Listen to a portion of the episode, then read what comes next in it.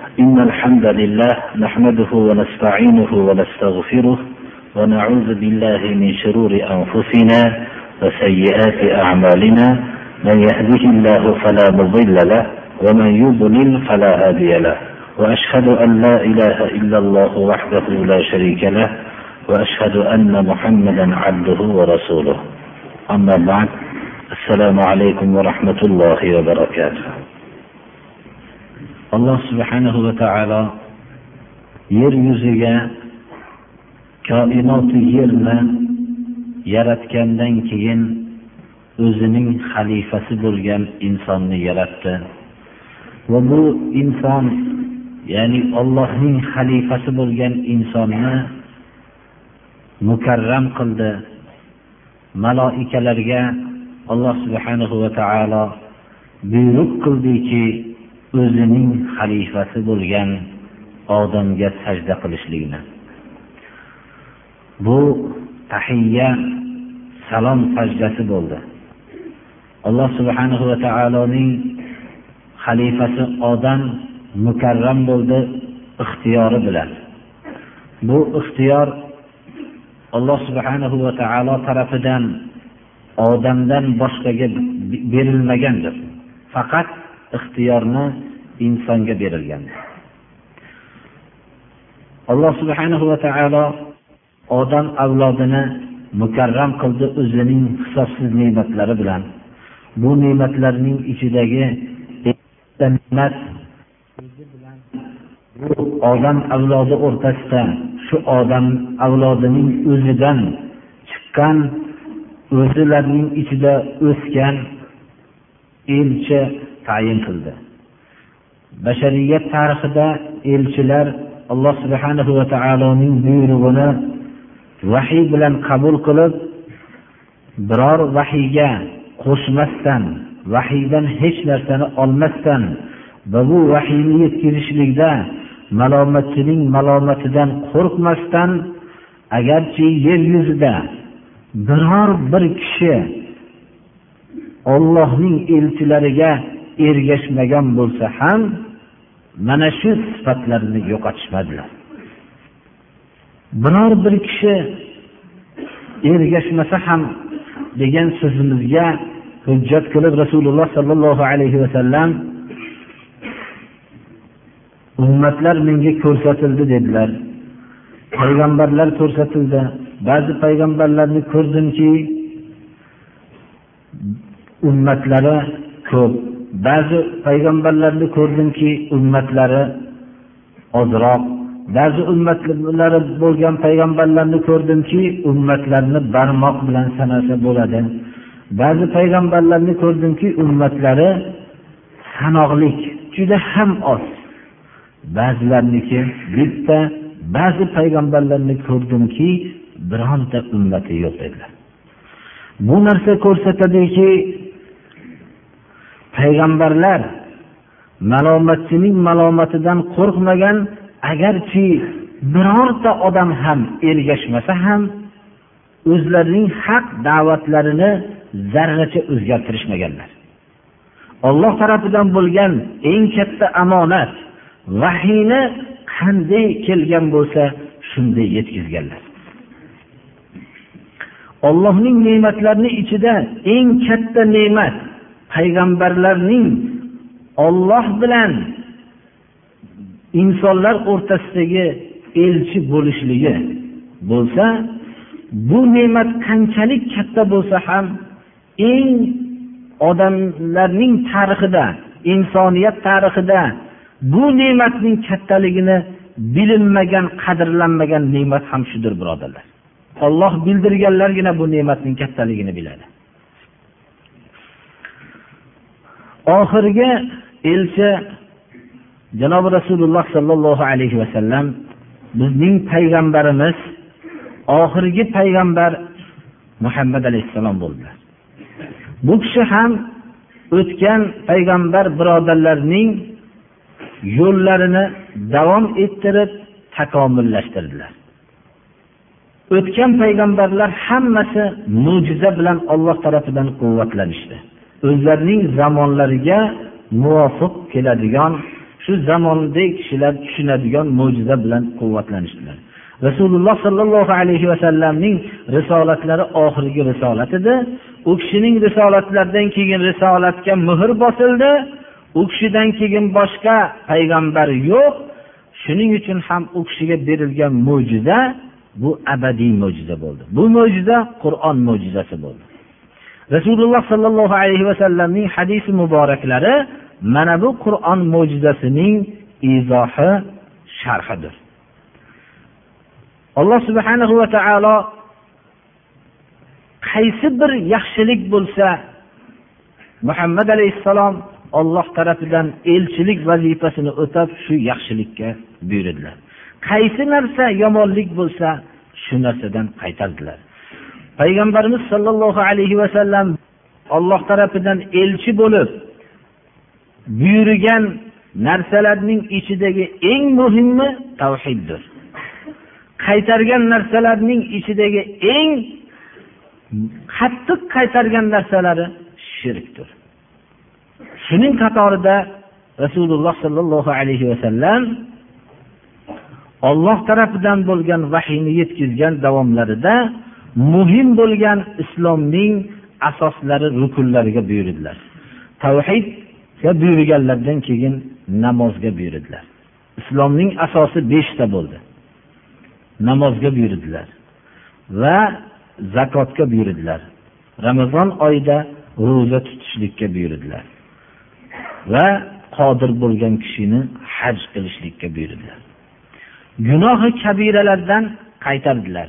Gunohi kabiralarni biz dars qilishligimizning asosiy sababi ham shuki avval odam o'zini nopok narsalardan tozalamasdan turib pokiza bo'lishligi mumkin emasdir. Gunohi kabiralardan o'zini tiymasdan turib ba'zi bir islomning buyruqlarini qilayotgan odamlarning misoli shunga o'xshaydiki agar ta'bir joiz bo'lsa hamma badani kir najas bo'lib turib yangi libos kiyib olishlikning misoliga o'xshaydi. Shu gunoh kabiralar darsimizni ikkinchi qismini davom ettiramiz. Biz gunoh kabiralarning avvalda to'rttasini sanab o'tgan bo'ldik. Beshinchisi zakotni man qilishlik ya'ni zakot bermaslikdir. Zakot alloh subhanahu va taolo buyurgan buyruqdir ya'ni farz amallardandir. Bu amalni bajarmagan odam gunohi kabira ya'ni ollohning buyrug'ini qilmagan hisoblanadi. Zakotni bermaslik molda sodir bo'ladigan gunoh kabiralarga kiradi. Gunoh kabiralar ba'zida badanda molda va hokazo aqida va sifatlarda bo'ladi. Inshaalloh darsimiz davomida qisman ishora qilib o'tamiz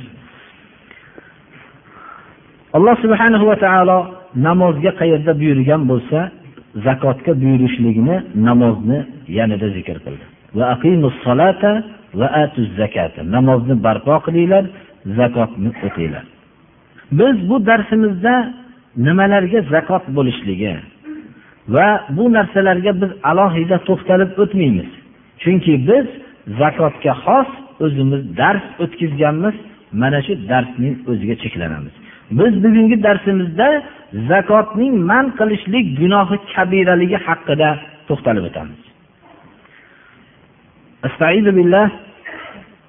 ولا يحسبن الذين يبخلون بما آتاهم الله من فضله هو خير لهم بل هو شر لهم سيطوقون ما بخلوا به يوم القيامة alloh taolo o'zining fazlidan ya'ni molidan bergan olloh bergan narsa.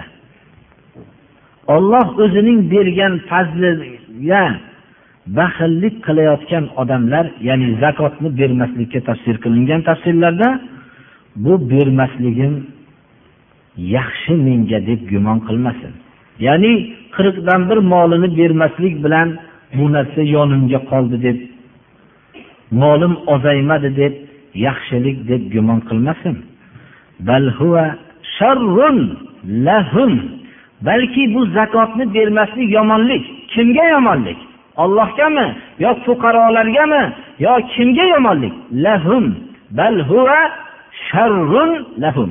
O'zlariga yomonlik.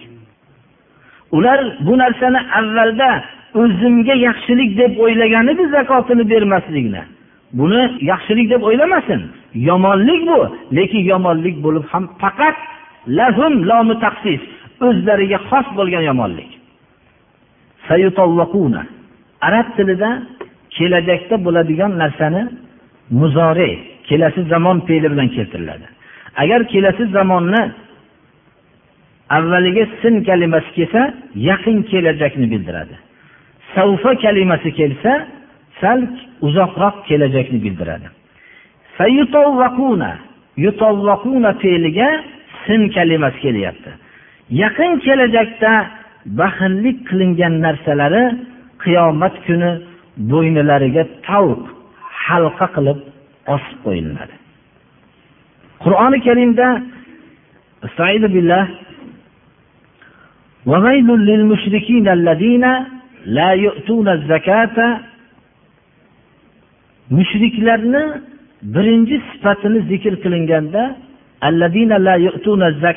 zakot bermaydigan mushriklar deyapti. Alloh subhanahu va taolo mana bu zakotni bermaslikni mushriklarning birinchi sifati qilib beryapti. Mana bu narsani biz tushunmoqligimiz kerak. Zakotni bermaslik mushriklarning birinchi sifatlari deb qaror beryapti. Chunki u hayotini hammasini molga bog'laydi.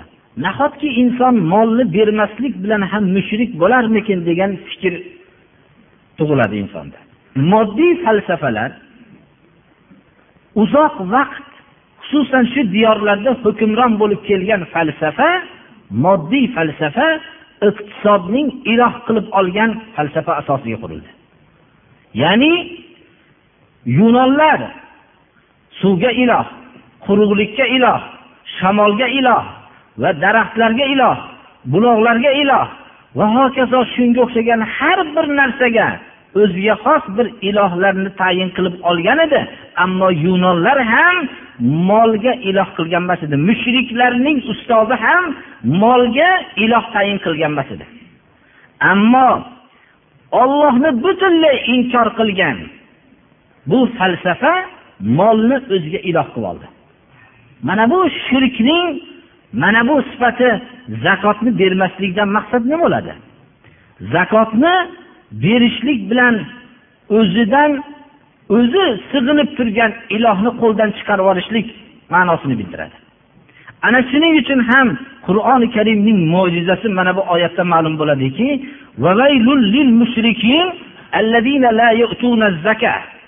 zakotni bermaydigan mushriklarning holiga voy bo'lsin.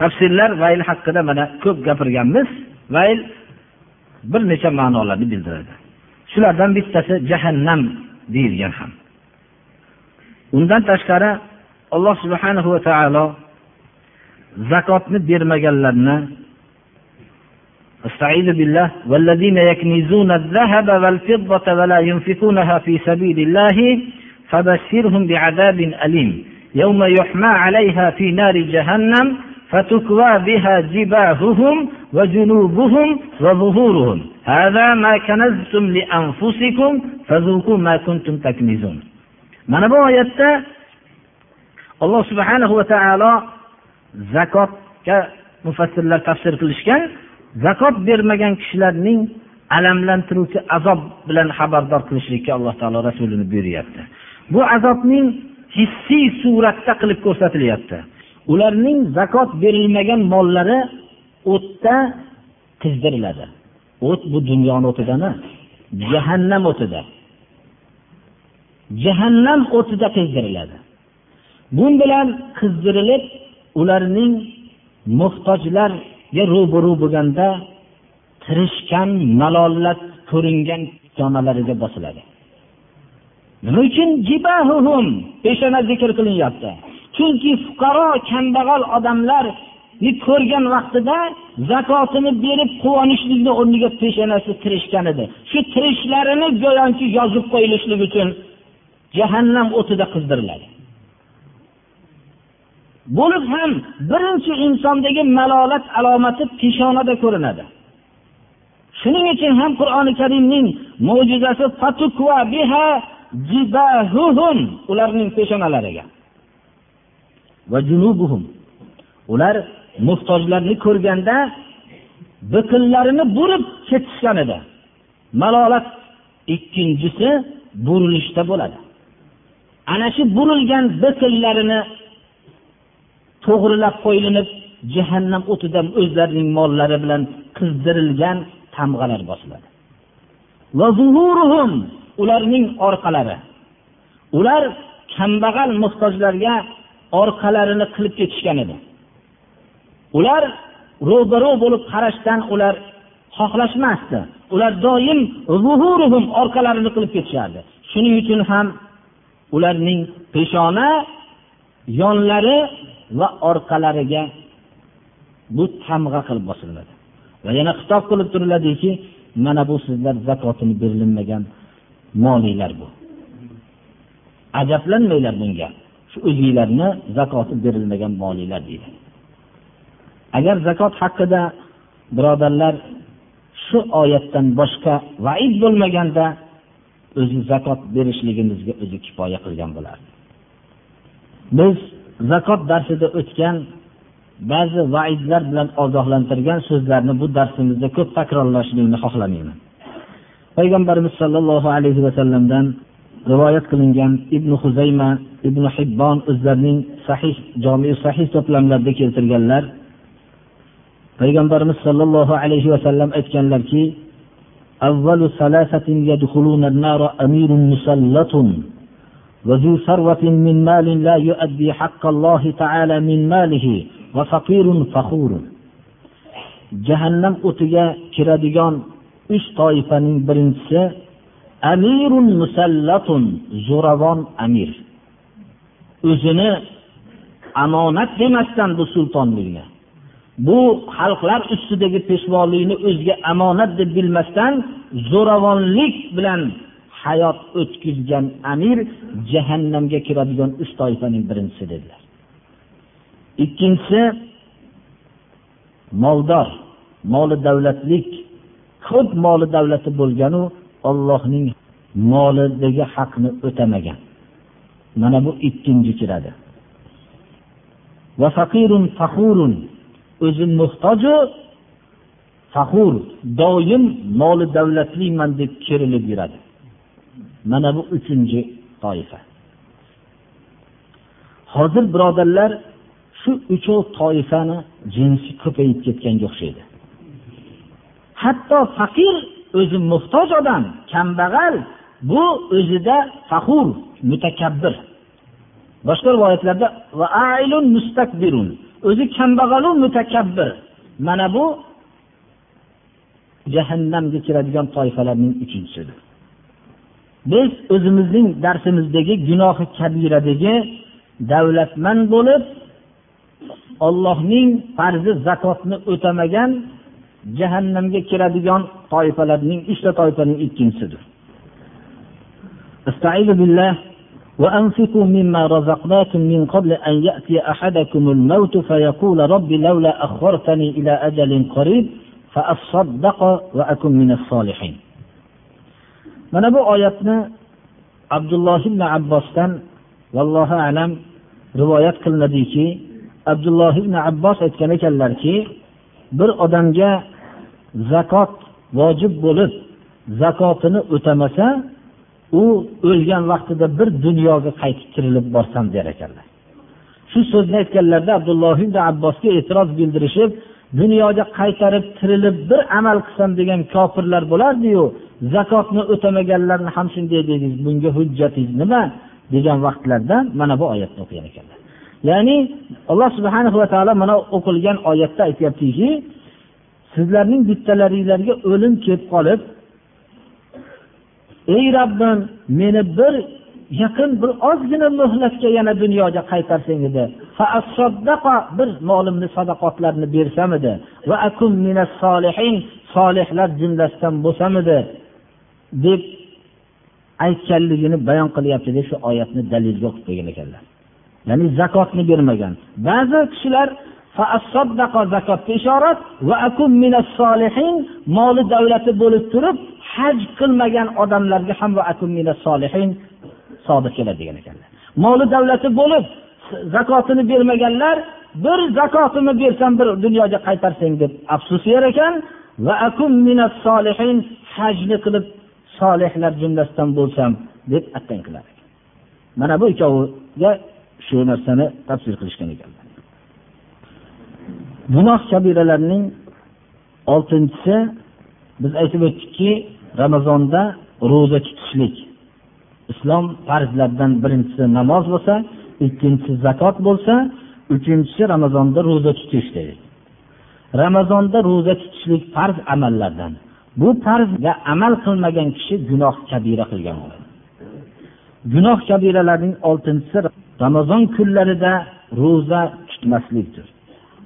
uzrsiz ya'ni biror uzri bo'lsa mustasno bunda alloh subhanahu va taolo qur'oni karimda يا أيها الذين آمنوا كتب عليكم الصيام كما كتب على الذين من قبلكم لعلكم تتقون أياما معدودات فمن كان منكم مريضا أو على سفر فعدة من أيام أخر iymon keltirgan kishilarga alloh subhanahu va taolo ramazoni sharifda ro'za tutishlikni farz qilganligini bayon qilyapti bu farzni bajarmagan kishi gunoh kabira amalini qilgan bo'ladi imom buxoriy va imom muslimning hadis to'plamlarida rasululloh sollallohu alayhi vasallam aytdilarki bunyal islamu ala xomsin شهادة أن لا إله إلا الله وأن محمد رسول الله وإقام الصلاة وإيتاء الزكاة وحج البيت وصوم رمضان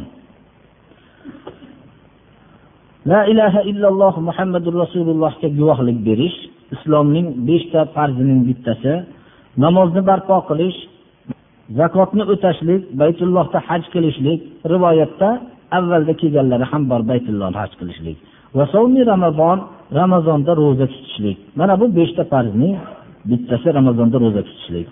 Kimda kim ramazoni sharifda ro'zani tutmagan bo'lsa gunohi kabira qilgan bo'ladi. Alloh subhanahu va taolo buning kafforatini qasddan ro'zani ochgan kishilarni ikki oy paydarpay ro'za tutishlik bilan buni kafforatini to'lashlikka buyurdi. Bu ikki oy paydarpay ro'za tutishlik bilan ham ba'zi bir rivoyat qilingan asarlar bilan u ramazoni sharifdagi ajr baribir unga barobar bo'lmaydi deyilgan. Shuning uchun ramazoni sharifdagi ro'za tutishlik bu ulug' farzlardan. Ramazoni sharifda ro'zani tark qilishlik gunoh kabiralardandir ulamolar sanab o'tgan gunoh kabiralarning oltinchisi hisoblanadi.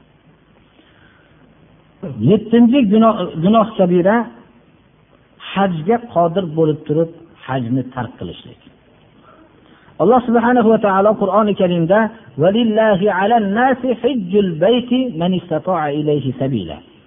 alloh subhana va taoloning odamlar ustida baytullohga haj qilishlik haqqi bordir.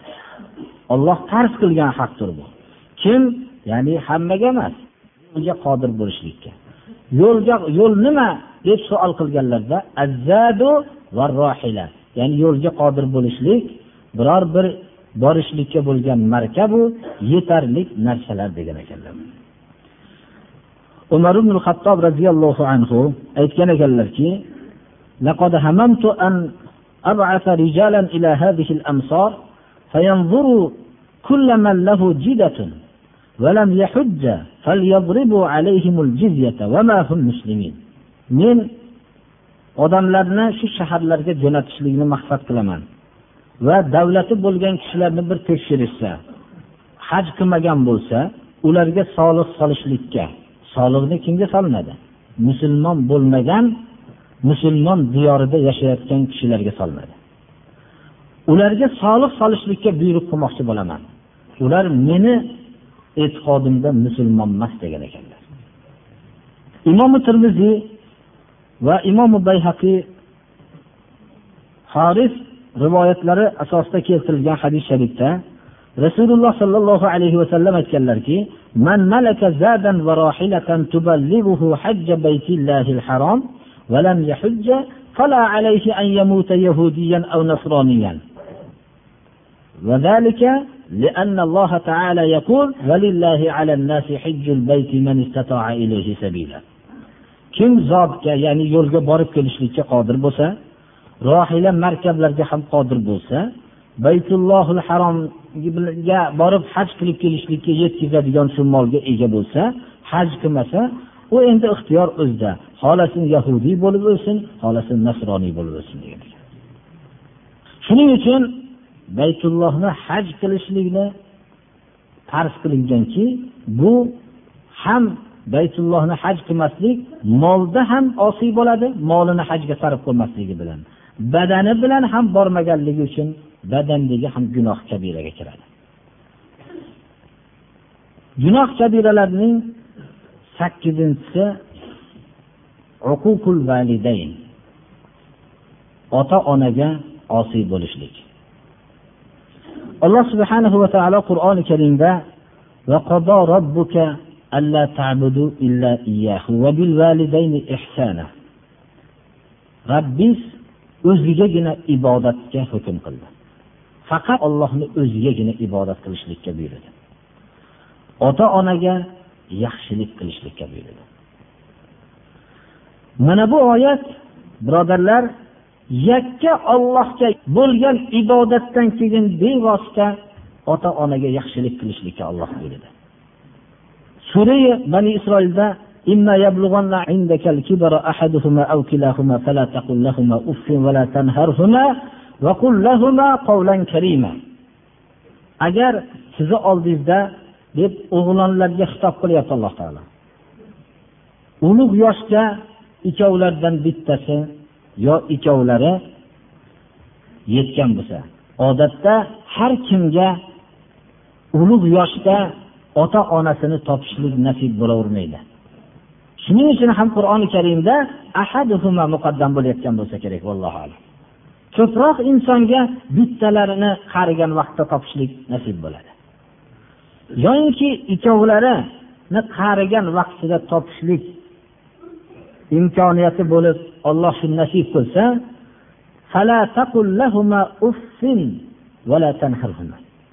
uf kalimasi inson malolat charchagan vaqtida og'zidan beixtiyor kelib chiqadi. Maslahat bilan chiqmaydi bu kalima? Bir bu safar ufki demaydi hech kim buni xohlasa ham xohlamasa ham o'zidan beixtiyor bu kalima chiqib ketib qoladi. Shunda boshqacha surat chiqmaydi. Xoh o'zbek bo'lsin xoh boshqa millat bo'lsin qaysi kalima bo'lsa ham bu narsa o'zining ixtiyoridan tashqari chiqib ketadi. Qur'oni karimning bu iborasi juda diqqatli. Ya'ni ixtiyordan tashqari ham og'izdan odatda bu doim chiqavermaydi. Xursandlik vaqtida bir uf deyishlik uchun kuch kerak bo'ladi birodarlar. Ana shu nihoyatda bir malolat bo'lganda ota onasini oldida doim odob saqlab yurgan odamning charchagan vaqtida ham bu kalima chiqib ketmaydi. Lekin nihoyat darajada bir qiyin soatda bu kalima chiqib ketib qolishligi mumkin. Mana shu narsani alloh subhana va taolo bizni yaratgan va bizning yaxshiroq biladi chunki yaratuvchi o'zining yaratganini yaxshi biladi. Shu oxirgi ixtiyordan tashqari chiqib ketadigan bu go'yoki bu narsa to'satdan chiqib ketib qoladigan narsani ham uffin. Demang demayapti alloh taolo. Lekin lahuma ota onangizga uffin demang deyapti. Uf kalimasini ota onaga aytmang deyapti.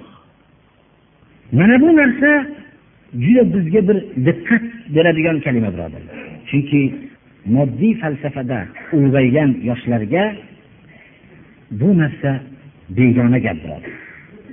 Chunki moddiy falsafa bu moddiy falsafalarning rahbarlari oila islom oila ya'ni hayotda bir qoloqlik deb e'tibor olgan chunki oila insonning dunyoqarashini faqat oilasini o'ylaydigan qilib qo'yadi deb tushuntirgan. Shunday botil najas falsafa bilan hukm surdi uzoq vaqtlar.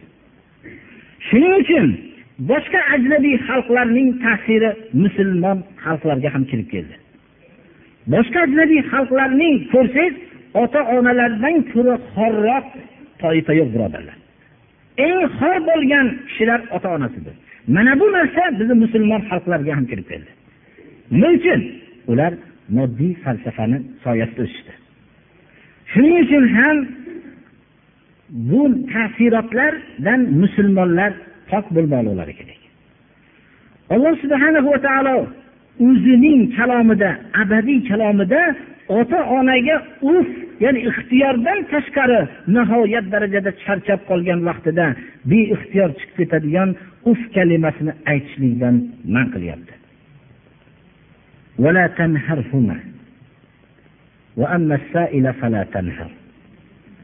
So'rovchiga zajr qilmang. Deyapti alloh taolo.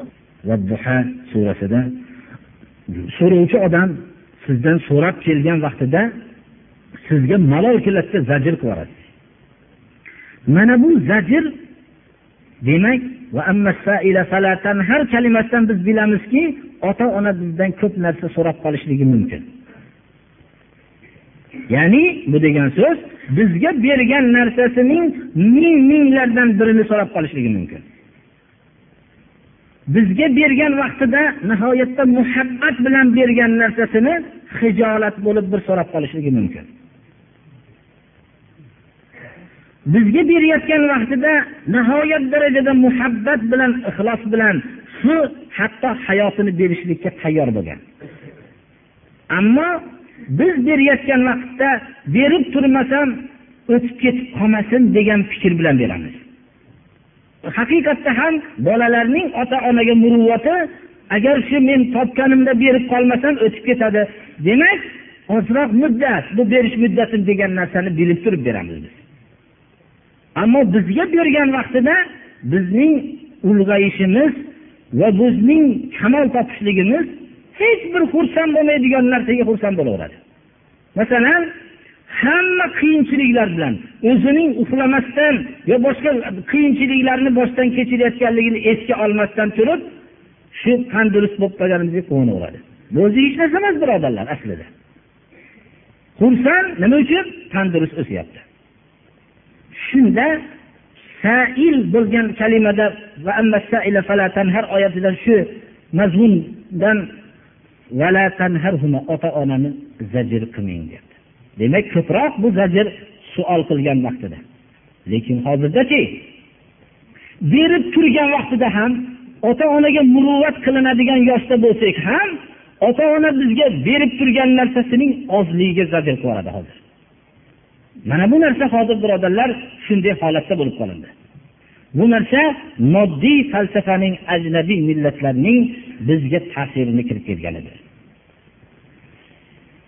alloh subhanahu va taolo qur'oni karimda ko'p ota onaga yaxshilik qilishlikka buyurdi. Farzandga yaxshilik qilishlikka buyurmadi. Chunki ota ona farzandga yaxshilik qilishlikka buyurishlikka hojati yo'q edi. Buyursa ham buyurmasa ham qilaveradigan tabiatni berib qo'ydi. Ammo farzand bo'lsa ota onani esdan chiqarib qo'yadi. U ham farzandini o'ylaydida ota onani esdan chiqarib qo'yadi. Shuning uchun alloh taolo tezda esiga solib turdiki ota onaga yaxshilik qilishlikka. Ya'ni nihoyatda karim ulug' so'zlar bilan xitob qiling. Shuning uchun muloyim so'zlarga tafsir qilingan faqat layyinan emas layyinan latifan. Ham muloyim ham lutflik. Shunday so'zlar bilan xitob qilishlikka alloh taolo buyurdi.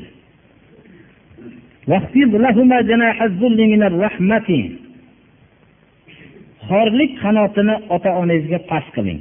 Doim tavozu bilan xitob qilishlikka alloh taolo buyurdi.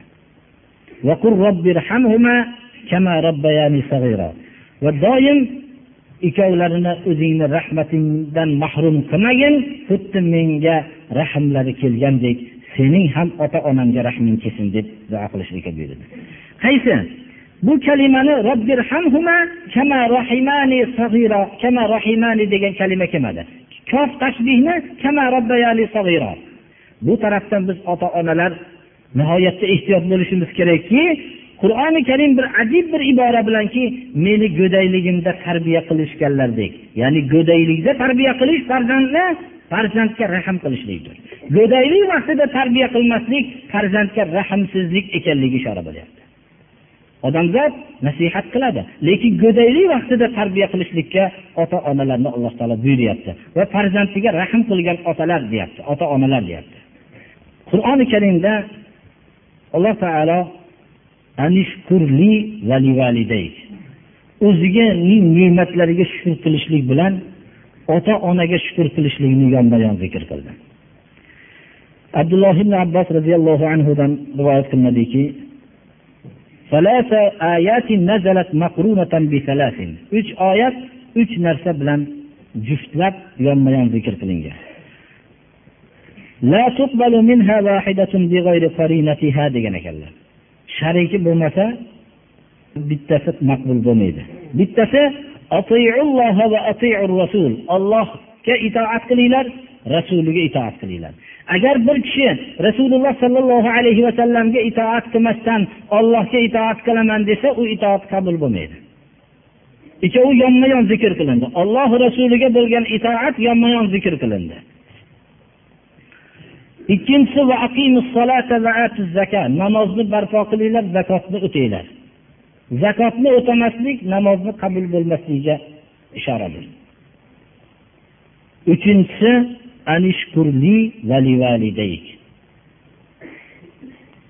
olloh o'zini kalomida menga shukur qilgin ey inson va ota onangga shukur qilgin dedi. Ikkovi shukurni yonma yon zikr qilindi. Alloh subhanahu va taologa shukur qilsayu ota onaga shukur qilolmasa olloh uni shukurni qabul qilolmaydi. Undan tashqari ota onasiga shukur qilishlikni bildirolmagan odam ollohga shukur qilolmaydi. Odamlarga shukur qilolmagan odam ollohga ham shukur qilolmaydi. Ota onaga shukur qilolmagan odam ollohga shukur qilolmasligi aniq bo'lib qoladi. Demak ota onaga oq ya'ni osiy bo'lishlik gunohi kabiralardandir. Alloh subhanahu va taolo bu ota onaga osiy bo'lishlikni shirkni yonida al ishroku billahi va uququl validayn deb allohga shirk keltirishlik eng katta gunohlardan bittasi ikkinchisi ota onaga osiy bo'lish deb zikr qilingan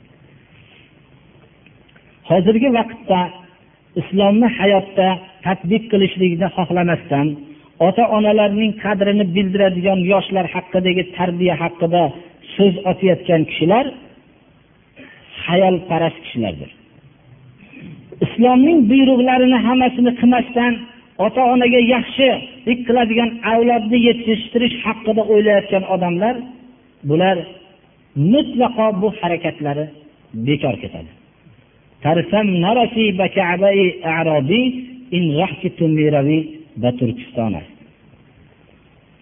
Ey sahroyi sen kabaga ketaman deyapsanu bu ketayotgan yo'ling turkistondan chiqib qoladi kabaga ketayotganing yo'q ya'ni ota onalarga yaxshilik qiladigan avlodni yetishtiraman deyayotgan odam islomni hayotdan chetlatib turib islomning hukmlarini qilmasdan turib kabaga ketyapman deb turkistonga ketayotgan odamdek gap bu. Shuni bilib qo'yishimiz kerak. Bu oshpazlik oshpaz nonpazlik qilgan vaqtida birovning yigirma tiyin puliga bo'z chiqqandek gap bu birodarlar. Hech qachon bu islomni hukmlarini qilinmagan hayotda ota onalarning qadrini biladigan avlod yetishib chiqmaydi birodarlar. Uchta duo ijobatdir. La shakka fihinna bunda shak shubha yo'q degan ekanlar. Payg'ambarimiz sollallohu alayhi vasallam aytgan ekanlar. Da'vatul mazlum mazlumning duosi. Va da'vatul musafir musofirning duosi. Va da'vatul validi ala valadihi otaning ya'ni ota onaning farzandiga bo'lgan duosi. Bu duolar ijobatligida shak shubha yo'q degan ekan. Avvalgi darsimizda aytgandek amri ma'ruf nahiy munkar bo'lib yurgan jamiyatda ijobat bo'ladi rasululloh sollallohu alayhi vasallamning oldilariga o'zlarining go'dak farzandi haqida husumat qilib kelishdi. Shunda bu kishi aytdiki bu farzand meniki dedi. Men otasiman dedi. Ayol aytdiki bu meni farzandim. Bu men qiynalib buni ko'tarib yurganman va qiynalib buni ko'rganman va ikki yil to'la buni ko'ksimdan ovqatlantirganman rasululloh sollallohu alayhi vasallam taban onalariga farzandni hukm qildi. Ya'ni bir judolik bo'lib farzand o'rtada bitta farzand kelishmovchilik bo'lgan vaqtda onaga berdilar. Rasululloh sollallohu alayhi vasallam bir kishi u kishining oldilariga keldilarda man nasi minni bi husni suhbati. Yaxshi suhbatimga odamlarni ichida eng haqli odam kim dedilar shunda ummuka dedilar onang dedilar. Man keyin kim dedilar? Ummuka onang dedilar. Qola man keyinchi deb uchinchi so'raganlarda ham ummuka onang dedilar.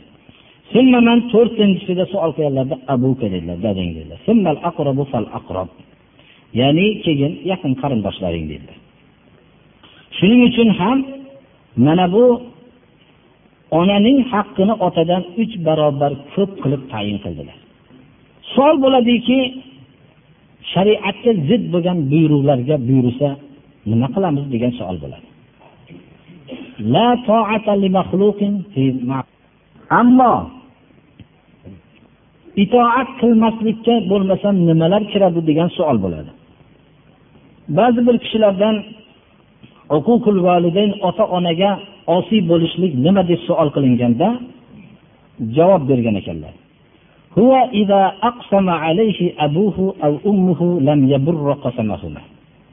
Agar otasi yo onasi biror bir qasam ichib shu ishni shunday qilaman desa qilolmay qolsa ya'ni shar'iy buyruq bo'lgan biror bir molni shu yo'lda sadaqat qilaman deb qasam ichib shunday qilgan bo'lsa farzandi shuni bajarib qo'ygin desa bajarib qo'ymasa osiy bo'lgan bo'ladi degan ikkinchisi biror bir buyruqqa takror aytamiz shariatga muvofiq bo'lgan buyruqqa buyursa buyruqlarga itoat qilmaydi. Mana bu ham huquq deyilgan ekan. Agar bir narsa so'rashsa bermaslik ham osiylik degan ekan. Agar bir narsani omonat qo'yishsa xiyonat qilishlik ham osiylik degan ekan. Mana bu narsalar kiradi deb shunday javob berilgan hatto rasululloh sollallohu alayhi vasallam olloh yo'lida jihod qilishlikni talab qilgan ota onasi bor bo'lgan kishiga ota onang haqqida jihod qil degan ekanlar. Ya'ni ota onangni butun buyruqlarni bajarishlik bilan qiynal degan ekanlar. Albatta bu zuruflar sharoitiga qarab aytgan ekanlar. Ota onaning shunchalik roziligini topishlikka buyurgan ekanlar. Payg'ambarimiz sollallohu alayhi vasallamdan imom termiziy rivoyat qilgan hadis sharifda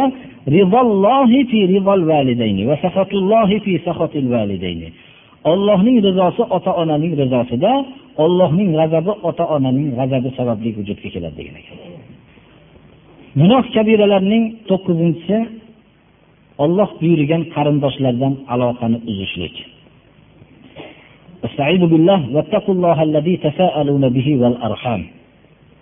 Ya'ni ollohdan qo'rqinglar va qarindoshlardan aloqani uzishlikdan qo'rqinglar. Ollohdan qo'rqinglar va qarindoshlariki olloh buyurganida aloqa qilishlikka mana bulardan aloqalarni uzishlikdan qo'rqinglar. Olloh o'zining ollohdan qo'rqinglar degan kalimaga atf qilinyapti va yana olloh buyurgan qarindoshlardan aloqani uzishlik ollohning la'natiga sazovor qiladigan amal ekanligiga qur'oni karimdagi mana bu oyat dalolat qiladi فهل عسيتم إن توليتم أن تفسدوا في الأرض وتقطعوا أرحامكم أولئك الذين لعنهم الله فأصمهم وأعمى أبصارهم yerda buzg'unchilik qilishlikka ollohni buyrug'idan burilsanglar yerda buzg'unchilik qilishlikka boshlaysizlar va qarindoshlar bilan aloqani uzishlikni boshlaysizlar allohni buyrug'iga bo'ysunmaslikning belgilarining asosiylaridan ikkitasi yerda buzg'unchilik qilish. Fasod. Fasod tarqatishlik bu ollohni buyrug'idan bosh tortishlik belgi bo'lsa ikkinchisi olloh buyurgan qarindoshlar bilan aloqani uzishlik. Olloh bu buzg'unchi qilganlik qilgan va Alloh buyurgan qarindoshlardan aloqani uzgan kishilarni Alloh la'nat qilgan kishilar deyapti. Alloh kar qilgan kishilar va ana ko'zlarini ko'r qilgan kishilar shulardir deyapti Alloh taolo o'zini bandalarini maqtayotgan oyatlarda vallazina yufuna bi'ahdillahi va la yanquduna al-mitsaq والذين يصلون ما أمر الله به أن يوصل ويخشون ربهم ويخافون سوء الحساب Allohga bergan ahdlarga vafo qilgan kishilar deb o'zining bandalarini maqtayapti. Ahdi paymonlarini buzmagan kishilar odamlar o'rtasidagi misoqlarini va Alloh aloqa qilinishlikka buyurgan kishilar bilan aloqa bog'laganlar va Robbilaridan qo'rqib yomon oqibatdagi hisoblardan jahannamdagi qiyomat kuni bo'ladigan hisoblardan qo'rqqan kishilar deb o'zining bandalarini maqtayapti. Bu o'zi olloh aloqa bog'lashlikka buyurgan qarindoshlardan aloqani uzgan kishilarni fosiqlar deb boshqa oyatlardan keltiryapti. Imom buxoriy va imom muslim jomi sahiylarda rasululloh sollallohu alayhi vasallamdan rivoyat qilingan hadis sharifda payg'ambarimiz sollallohu alayhi vasallam aytdilarki olloh buyurgan qarindoshlardan aloqasini uzgan kishilar jannatga kirmaydi dedi.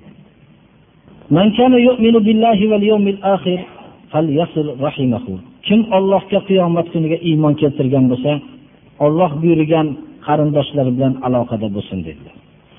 Aloqada bo'lishlikni ma'nosi nima ekan hadis shariflarda payg'ambarimiz sallallohu alayhi vasallam aytgan so'z bunga dalolat qiladi. Sizdan bir xabar olsa siz ham xabar olib qo'ysangiz bu vosil deyilmaydi aloqa bog'lagan kishi deyilmaydi.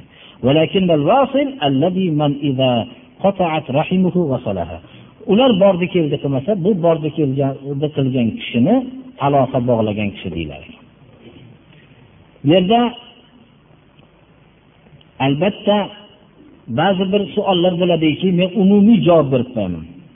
Shariatga zid bo'lgan ishlar qilsa bular bilan aloqa qilishligimiz qanday bo'ladi deb. Shariatga zid ish qilgan vaqtda mutlaqo bu narsadan aloqangizni uzing. Sizni aloqaga buyuruvchi shariat birodarlar.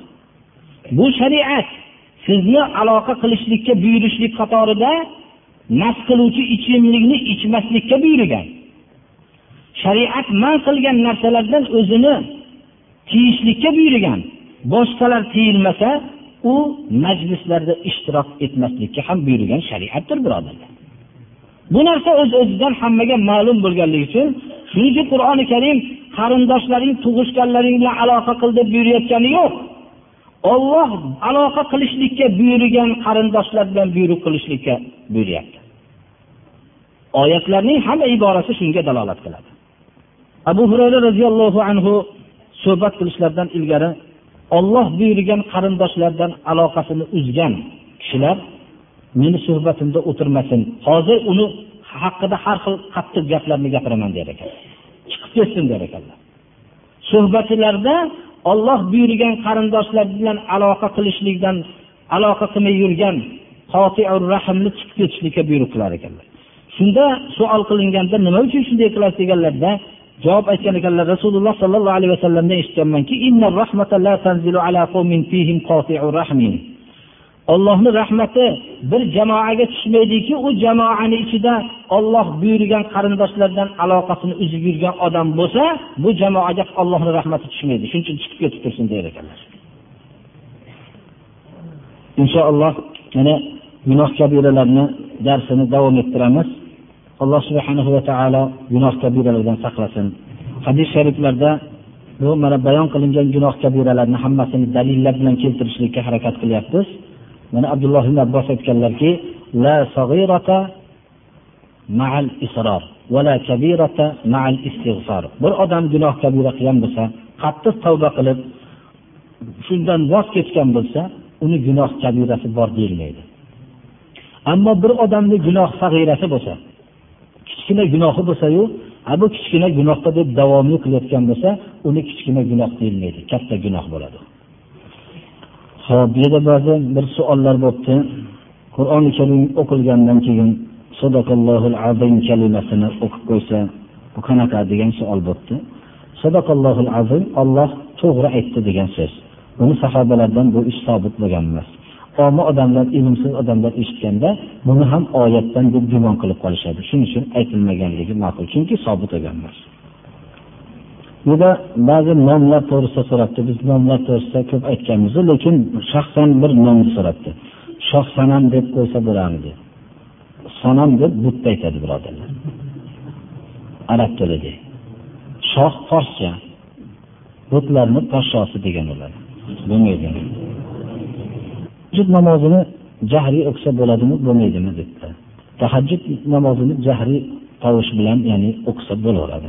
Rasululloh sollallohu alayhi vasallamga iqtido qilgan abdulloh ibn abbos sura baqara sura oli imron o'qiganliklarini rivoyat qilganlar. Albatta shuni eshitganliklari uchun rivoyat qilganlar. Shu narsa dalolat qiladiki albatta jahriya qilib o'qisa bo'ladi. Birovga iqtido qilib o'qisa ham bo'laveradi juda. Birodarlar bir hadis bor ekan. Debdilar oyat bu hadis bu. O'zi oyat deb yozib qo'yibdi. Hadisi bor izohlab bering debdilar. Buni endi izohlab o'tirishimizga o'rinlarda izohlaganmiz lekin buni qisqacha ma'nosi shuki amallar niyatlar e'tibor bilan bo'ladi. Masalan bir kishi ikkitadan bir xil amal qilaveradiyu lekin shu amaldan niyati ikki xil. Shunga bittasi ajr olaveradi ikkinchisi xuddi shu amalni qilib gunohkor bo'laveradi yomon niyat bilan. Misol qilayotganimizda bir odam kasblik kasb qilib shunda halol kasb qilay tamaq qilmay shu bilan o'zini e, nafaqa lozim bo'lgan kishilarga shu kasbni qilay deb pul topyapti. Bu odam halol kasb qilib farzandlarini ta'lim bermoqchi shu niyatiga yarasha qilayotgan kasbi ibodat bo'laveradi. Bir odam shu xuddi shu kasbni qilyapti. Pulni topishlikdan bir shu pul tushsa mast qiluvchi ichimlik olib ichmoqchi. Yoinki bitta ikkita ulfatini chaqirib shu mast qiluvchi ichimlik ichmoqchi. Yoinki shu bilan bir qimor o'ynamoqchi pul topsa. Yoinki bu shu bilan bir shariatga zid bo'lgan uslubda to'y o'tkazmoqchi. Shuni har bir kosib qilsa iynasini sanchiganiga biqiniga igna sanchayotgandek gap bo'laveradi. Ya'ni gunohi bo'lgan bo'ladi amallar niyatlar bilan degani ma'nosi shu. Qazo qadar haqida savol bo'libdi bu savolga hozir biz javob berish vaqti emas bu narsani. Bu ko'proq vaqtni talab qiladi. Qazo qadar haqidagi ba'zi hozirgi harf bilan yozilgan kitoblarni ko'p o'qilmasin birodarlar. Ular qazo qadarni aqllarga moslashlikka harakat qilib yozgan kitoblardir. Alloh taolo bizga ilmning hammasini bergan emas. Bizga ozgina ilm berilgan. Biz qazo qadar haqida bu narsa haqida inshaalloh o'zini vaqtida tushuntirib o'tamiz. Lekin aqlga hammamizni to'g'ri keladigan qilishlikka harakat qilish nafslarga zid bo'ladigan ma'nolar bilan bu xatardir birodarlar.